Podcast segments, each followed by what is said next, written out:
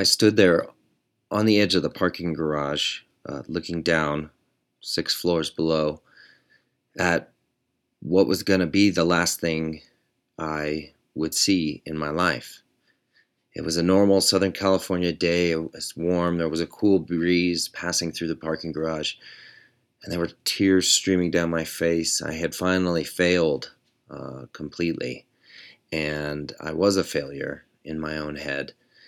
And the noise had become so great in my mind all, all the that negative uh, self-talk and all, all the shame and um, being a failure and letting down my investors was and letting down my family and letting down my friends it was just too much. Uh, all of that shame was just this persistent noise in my head and i was literally ready to jump and commit suicide to end all of that pain and all of that noise We'll get into more of that. Hi, my name is Josh Richer. I'm your host. Welcome to Your Mental Best.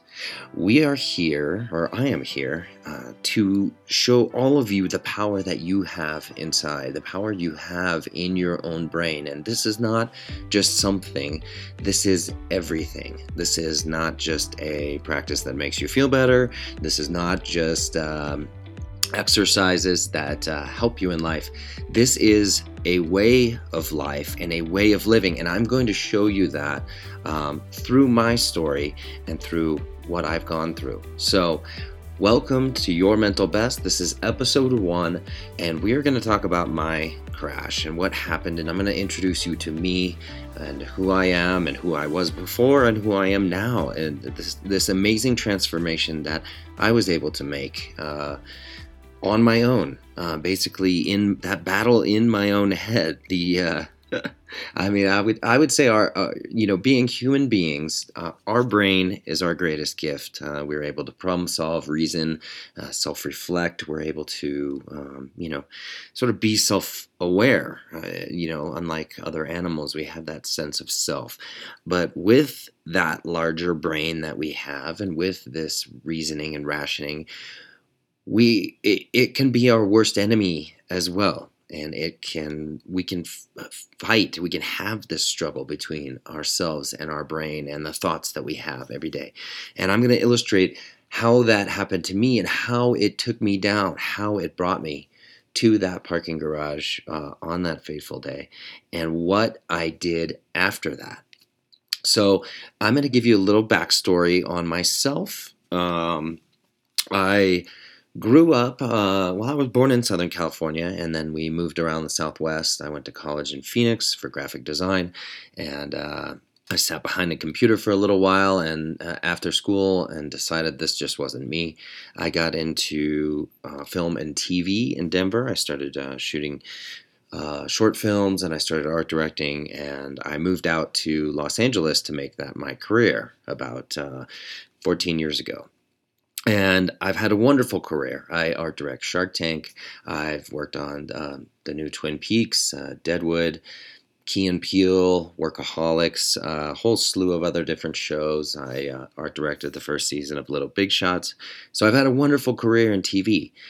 But as a creator and as a problem solver and as a typical guy, I just I want I had this incessant need to build and create and do um, and I, I grew up in, in a good family. We, I mean, I, I shouldn't have wavered there with my voice. Um, I grew up in a great family. My father provided uh, for us everything that we needed and showed his love that way, which was awesome. And then my mom um, was an amazingly sort of loving, caring, nurturing woman. Um, I grew up with my sister, who's fantastic. She's my best friend to this day.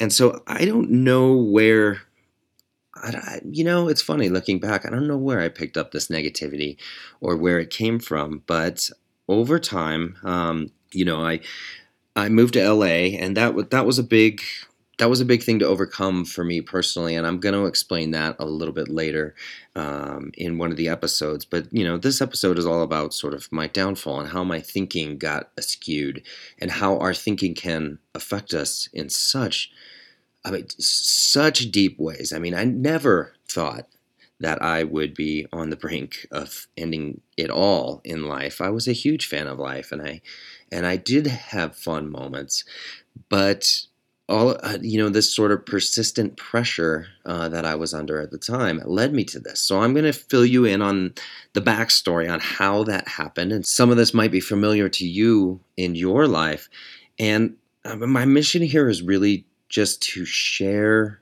um, what i did and how i got out of my funk so that uh, other people don't have to go through a crash like I did. I mean, my change was so massive and so huge that I really, really, really want to share how I did it so that it can be simpler and easier for you and I can teach you these brain exercises and these brain these wonderful practices that have led me to an amazingly fulfilled, happy, wonderful life that I didn't I didn't know this side was possible. Um, so we'll get into the backstory.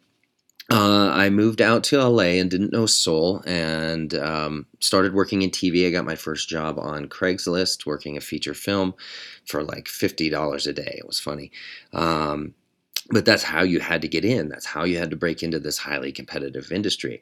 And um, I worked. I worked very hard uh, film and TV, they're 12 hour days, not including your lunchtime, which is, you know, a half hour to an hour. So I'm, you know, working on, or I'm on set for at least 13 hours in a day. Uh, and then coming up through the ranks, um, the days were even longer. Uh, you, you, know, they, we, I've worked 17, 18 hour days. It's tough. It was brutal. Uh, but that's what you had to do. So I got into this work, work, work sort of do, do, do mentality. And I came up with a tech idea, an idea for a project management uh, software solution for film and TV. And I came up with it pretty early on in my career, actually. It was about the same time I got into the union. And um, started working on bigger projects and my problem solving brain just saw all the inefficiencies in film and TV. So I came up with this digital solution how to manage and organize hundreds of cast and crew members uh, paperlessly. Now, I didn't know anything about building a software. I reached out to a friend of mine. We decided to do this venture together. And so we tried raising money. It was really tough uh, in the market. This is around 2000, you know, eight, nine the big crash had happened nobody was lending money and so it became you know just it was always a struggle to get money. Um, we went out for a patent and our patent um, basically uh, long story short, we ended up losing out on the patent and burning like thirty thousand dollars right off the bat.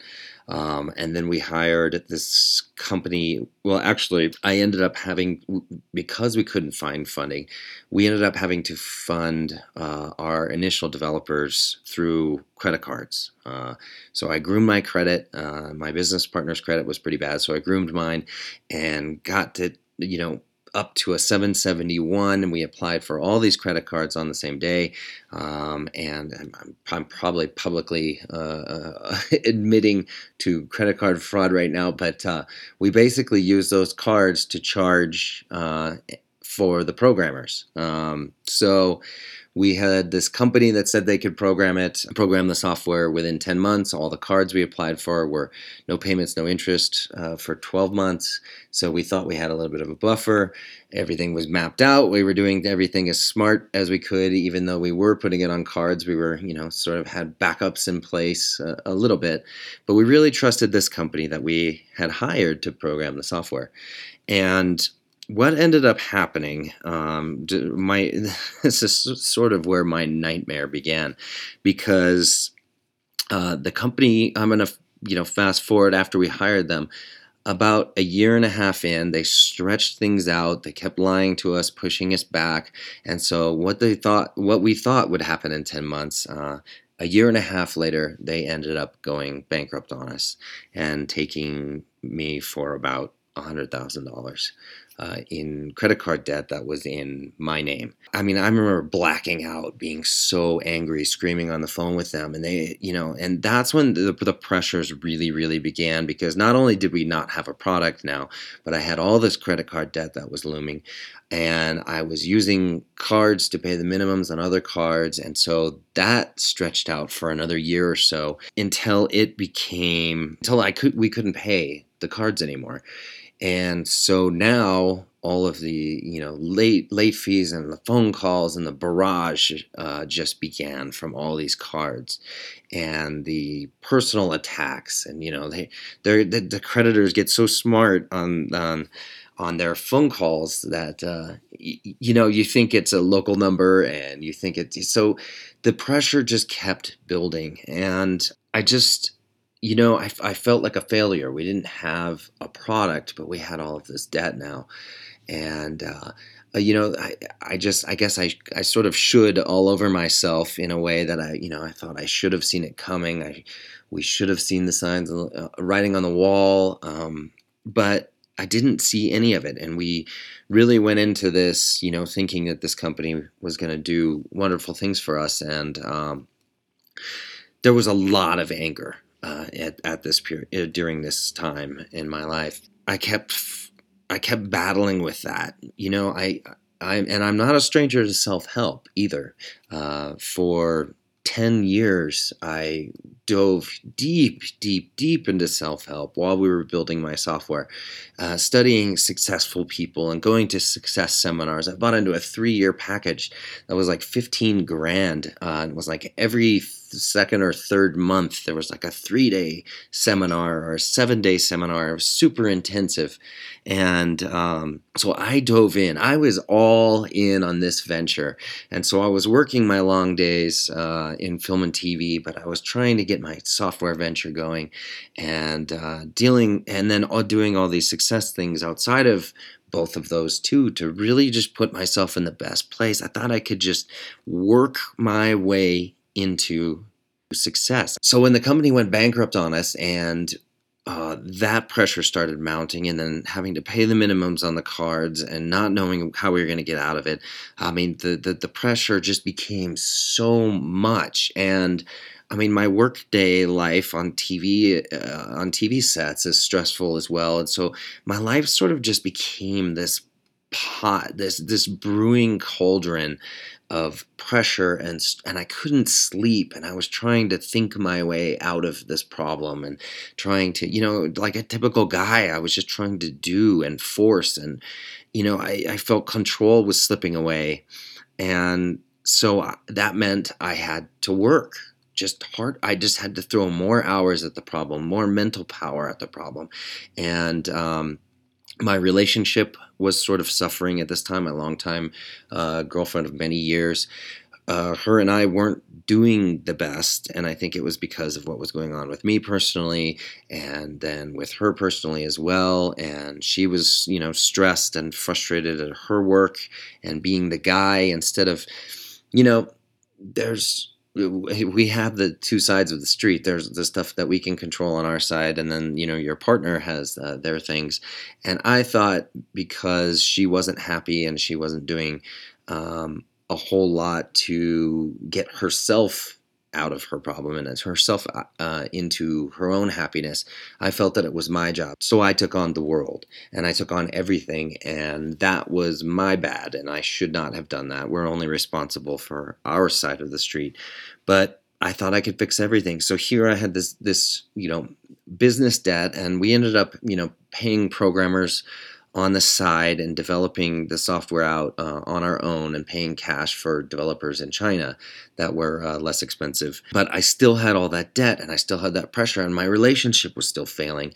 And I, I felt that and I dove deeper into my work and the software um, because I thought that would get the both of us out. It would get us happy.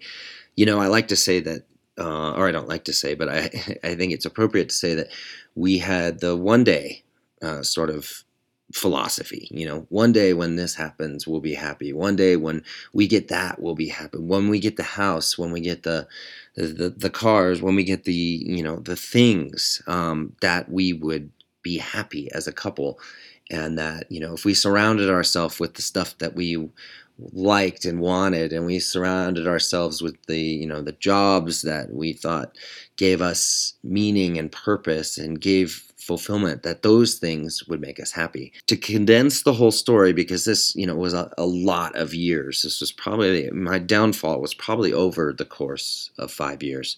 All of that pressure kept mounting and kept becoming this just brewing uh, sort of pressure cooker this pot of just shame and failure. And you know we we would try we came to the end with the software uh, like three different times and then something would happen. We'd get an investor that would carry us a little bit further and so it was just sort of i just couldn't live in my greatness my problem solving greatness. We had to stop developing uh, for a while and then we get some money and we can develop again and so um, and when we were working with the developers I was working my 12 to 15 hour days and then I'd come home and they were since they were overseas, I would work with them till, you know, sometimes one, two, three in the morning, and then have to be up again at you know four thirty or five to go to work. So uh, sleep suffered horribly, and my brain just spun. It just became this. It was on overdrive trying to problem solve and the no that's when the noise the persistent noise in my head really started to get bad and really started to just drown out everything else. I mean i was feeling the pressure from investors that we had. I was feeling the pressure um, f- to be successful to the world and i had you know i had told everybody that we were doing this thing and it wasn't going well and so i felt like a failure. I felt uh, a lot of shame. You know i was the type of person i was the type of guy that wanted to do everything perfect and thought i could just do and work and it, it's funny. You know explaining to people how what it felt like to start um, my company at the time you know i felt like i was dragging a dead body through knee deep mud while shot and bleeding. I mean, it took sheer effort to drag this software uh, along. It weighed heavily on me emotionally and in my mind. And I wasn't able to shake that. I didn't have the tools, I didn't know how to manage my own brain. So at the end, when I ended up on that sixth floor of the parking garage looking down with no other real way out but to just end it all. Uh, that to get that silence. I was drinking pretty regularly and um, probably a lot heavier than most um, to dull the pain and to to sort of just ease that um, those mental pressures. It was the only thing that caused that created stillness in my mind. I think a lot of you guys can relate how that feels the pressure to provide, uh, the pressure to be successful, the pressure to be your best, and to show the world that you were able to do what you said you were going to do or what you set out to do. And I felt like I had really let my let my family down. I had uh, borrowed some money from uh, family and friends, obviously, for the, the software. And so to do what I said I was going to do and to do it well and to do it successfully. And I had taken all these seminars and built uh, this body of knowledge around success, and to not be able to implement that and to not be able to create the positive, successful change that I was working so hard for really just left me feeling like a failure uh, on all levels that I, I, couldn't pull this thing off. I couldn't do this thing that I said I was going to do, and that uh, I wasn't able to pay back the money, and I wasn't able to pay back the creditors, and they made me feel like crap when they called. And so it was this awful shame spiral, and I was exhausted from just trying to do, do, do, do all the time. And it just became too much, too much pressure in my own head, in my own mind. And that's where this battle was raging. And that's where, you know, it, it, uh, externally, I was able to hold it all together for work and to make it seem like I had everything together. And according to all my outside friends, my life looked great, but inside my head it was just this tornado, this hurricane of awful negative thoughts and just pressure uh, on myself to succeed and to do well. And that was failing. And that's what led to my downfall. It just illustrates, you know, I think for for most of it, I think you know you guys can relate that um, in life when you're trying to be successful and do and create and build and uh, problem solve and this all you know when in balance when your brain is in balance and when your mind is in balance you can handle these things and and you can basically not get trapped uh, in this negative spiral. But if you the the brain has a, a a natural sort of tendency to look at the negative. It's what's kept us alive all these years. And I've studied, uh, you know, tons now over the last few years on neuroscience and um, and the brain and what the why it was so difficult to implement all that self help and all the success, uh, you know, practices and why I wasn't able to do that. So, you know, the the brain has this sort of propensity towards negative thinking because that's what keeps us alive. It remembers these negative patterns. And that's what I was stuck in. So once leaving the parking garage, and I'm going to explain in the next episode how I got out of this. Um, how this spiral that was taking me down and almost cost me my life, um, how I was able to turn all of this around, and why I'm uh, happy healthy, uh, alive, and doing fantastic now on my own with, uh, uh, you know, a few simple practices. So, to recap all of this, uh, this is Your Mental Best. I am your host, Josh Richer. Thank you for tuning in and thank you for being a part of this. I'm going to come to you vulnerable and I'm going to come to you with my whole story as truthfully and honestly, and even through all the good and bad, and through the negativity. And I'm gonna I'm gonna share all of this with you because it's important. It's important for you to.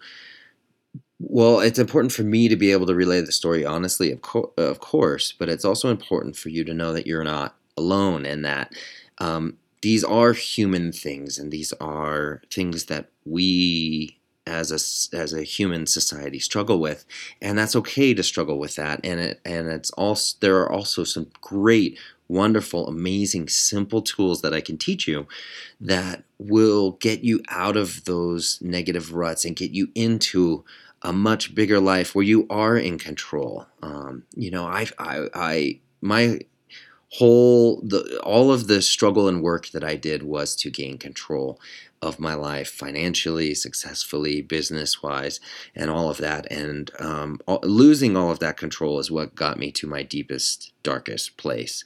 And so from there, I'm going to show you what I did to get out of it and to regain control of my life, to live a life of purpose, a live a life of power and compassion.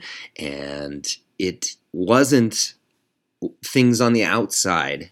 It wasn't that I changed my job or I started doing this and blogging and vlogging and talking about my story. It wasn't that. It wasn't anything outside of me that created my happiness. It was all new patterns and new processes in my own mind and in my own head. Uh, you know, the Buddha says that. Um, our suffering is our resistance, uh, that that friction, uh, and my life was full of friction and pressure and stress, and so therefore I was extremely unhappy and depressed and had you know huge bouts of anxiety. In the coming episodes we're going to talk about how i beat all that and how i got to this happy healthy wonderful place. But thank you for tuning in to episode one as a little backstory on me. Again i'm your host josh richer. Welcome to your mental best and we will cover this and so much more in the next and coming episodes. So stay tuned